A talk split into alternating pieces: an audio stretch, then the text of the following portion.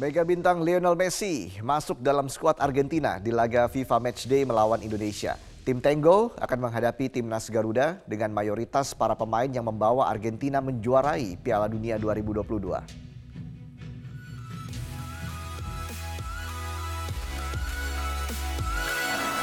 Timnas Indonesia dan juga supporter di tanah air mendapat kabar gembira terkait kepastian skuad yang akan dibawa Argentina saat melakoni laga FIFA Matchday di Stadion Utama Gelora Bung Karno, Jakarta. Lewat media sosial resmi Asosiasi Sepak Bola Argentina, pelatih Lionel Scaloni membawa 27 pemain yang mayoritas menjadi bagian skuad tim Tengo saat menjuarai Piala Dunia 2022 dan sang kapten Lionel Messi dipastikan masuk ke dalam skuad melawan Indonesia pada 19 Juni 2023 mendatang. Messi datang ke Indonesia tentu membawa misi untuk menambah pundi-pundi golnya bersama timnas Argentina. Saat ini, koleksi gol La Pulga berada di angka 102 gol. Kehadiran Argentina ke Indonesia akan menciptakan sejarah tersendiri. Timnas Indonesia untuk pertama kalinya akan beruji coba melawan tim yang menempati ranking satu dunia.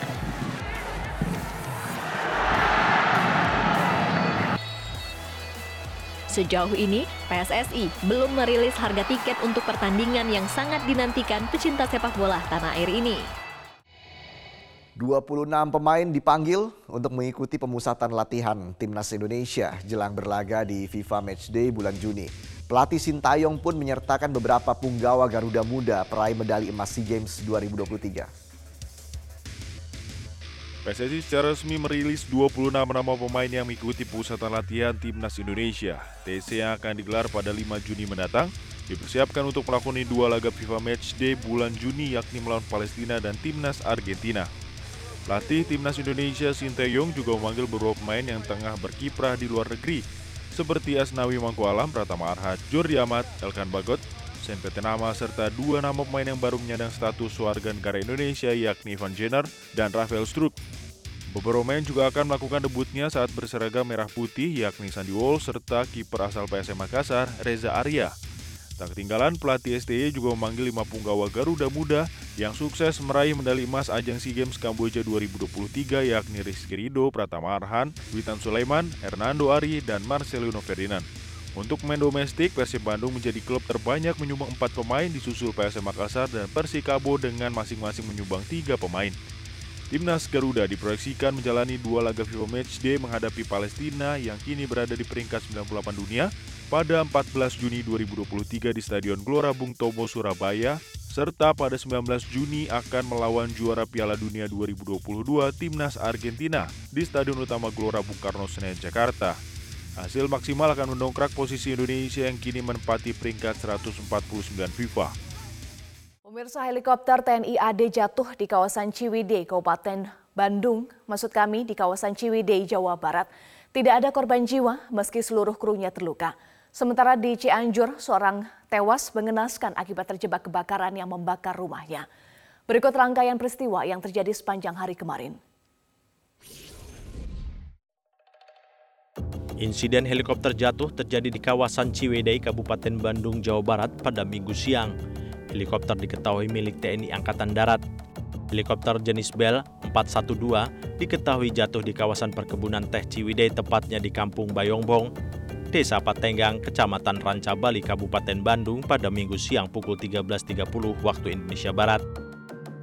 Helikopter yang jatuh diketahui sedang mendukung latihan Yonif 300R BJW. Tidak ada korban jiwa dalam peristiwa ini. Seluruh penumpang dan kru selamat namun mengalami luka-luka. Seluruh kru helikopter telah dievakuasi ke rumah sakit di Cimahi untuk mendapatkan perawatan lebih lanjut. Untuk sementara, belum diketahui penyebab jatuhnya helikopter ini. Sebuah truk yang mengangkut puluhan peziarah terbalik di kawasan dataran tinggi Kabupaten Flores Timur, Nusa Tenggara Timur. Dari video amatir tampak kondisi truk yang terbalik usai mengangkut 27 peziarah menuju paroki Ritawolo, tepatnya di Desa Bukit Saburi 2, Kecamatan Adonara Barat. Meski tidak ada korban jiwa namun kecelakaan tersebut mengakibatkan 8 orang peziarah luka berat termasuk sang pengemudi. Truk diduga mengalami mati mesin saat di jalur tanjakan hingga menyebabkan truk tersebut mundur, hilang kendali, hingga terbalik. Dari Cianjur, Jawa Barat, seorang bocah di Kecamatan Cidaun tewas mengenaskan setelah terjebak kobaran api saat rumahnya kebakaran. Diduga akibat kebocoran tabung gas LPG, sebuah rumah di Kampung Gabungan, Desa Sukapura, Kecamatan Cidaun mengalami kebakaran pada minggu sore. Dengan cepat api membakar seisi rumah. Setelah beberapa jam berkobar, api baru bisa dipadamkan usai satu unit mobil damkar dikerahkan. Akibat peristiwa ini, seorang bocah berusia 4 tahun tewas mengenaskan. Menurut warga sekitar saat kejadian, korban sedang berada di dapur. Naas, korban terjebak dalam kobaran api dan tidak bisa menyelamatkan diri. Sementara itu, orang tua korban sedang berada di sawah, sedangkan neneknya berada di luar rumah, sehingga saat kejadian korban tidak bisa diselamatkan. Pihak kepolisian setempat menduga kobaran api berasal dari semburan gas LPG di dapur rumah. Sebuah tebing talaut setinggi 12 meter di Kudus, Jawa Tengah longsor mengakibatkan tiga orang pekerja proyek pembangunan talaut desa yang berada di bawahnya terkubur hingga meninggal dunia usai tertimbun material longsor. Ketiga korban yang tewas tengah bekerja menggali pondasi perbaikan talut pembatas jalan penghubung antar desa bersama tujuh pekerja lainnya. Naas secara tiba-tiba tebing longsor menimpa tiga korban sedangkan empat rekan lainnya berhasil menyelamatkan diri. Longsor diduga akibat kontur tanah yang labil dan tidak ada penyangga darurat. Proses evakuasi para korban berlangsung sekitar 45 menit. Usai dievakuasi, pekerja talut tebing setinggi 12 meter tersebut merupakan warga setempat yang tengah melaksanakan perbaikan dan pembangunan proyek Desa Dukuh Warungin. Pemirsa, puluhan pesawat tempur milik TNI Angkatan Udara di bawah Komando Operasi Udara 2 atau Koopsut 2 melakukan skenario operasi militer di pesisir pantai selatan Lumajang, Jawa Timur. Simulasi operasi militer dengan sandi sikatan daya ini menarik perhatian warga untuk menyaksikannya.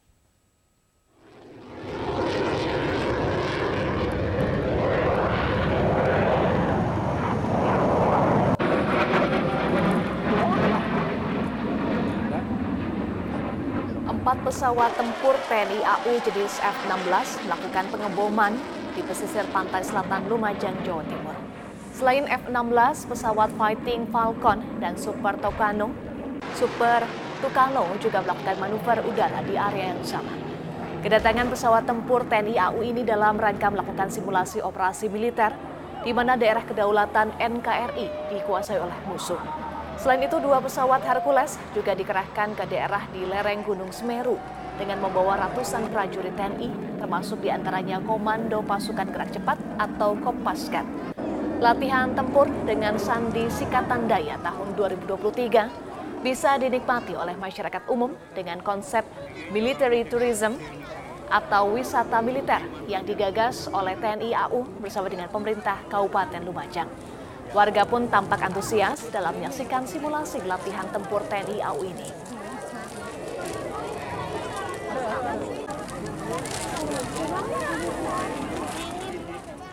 Pemirsa puncak peringatan Hari Pendidikan Nasional digelar dengan Karnaval Merdeka Belajar di kota Yogyakarta pada minggu malam dan diikuti sebanyak 500 peserta dari pegiat pendidikan, seni, dan budaya.